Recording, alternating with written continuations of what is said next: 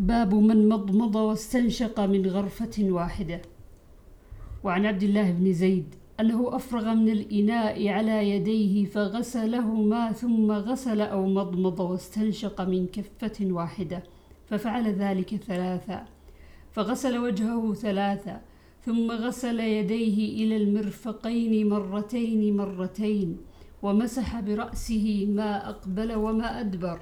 وغسل رجليه إلى الكعبين ثم قال هكذا وضوء رسول الله صلى الله عليه وسلم.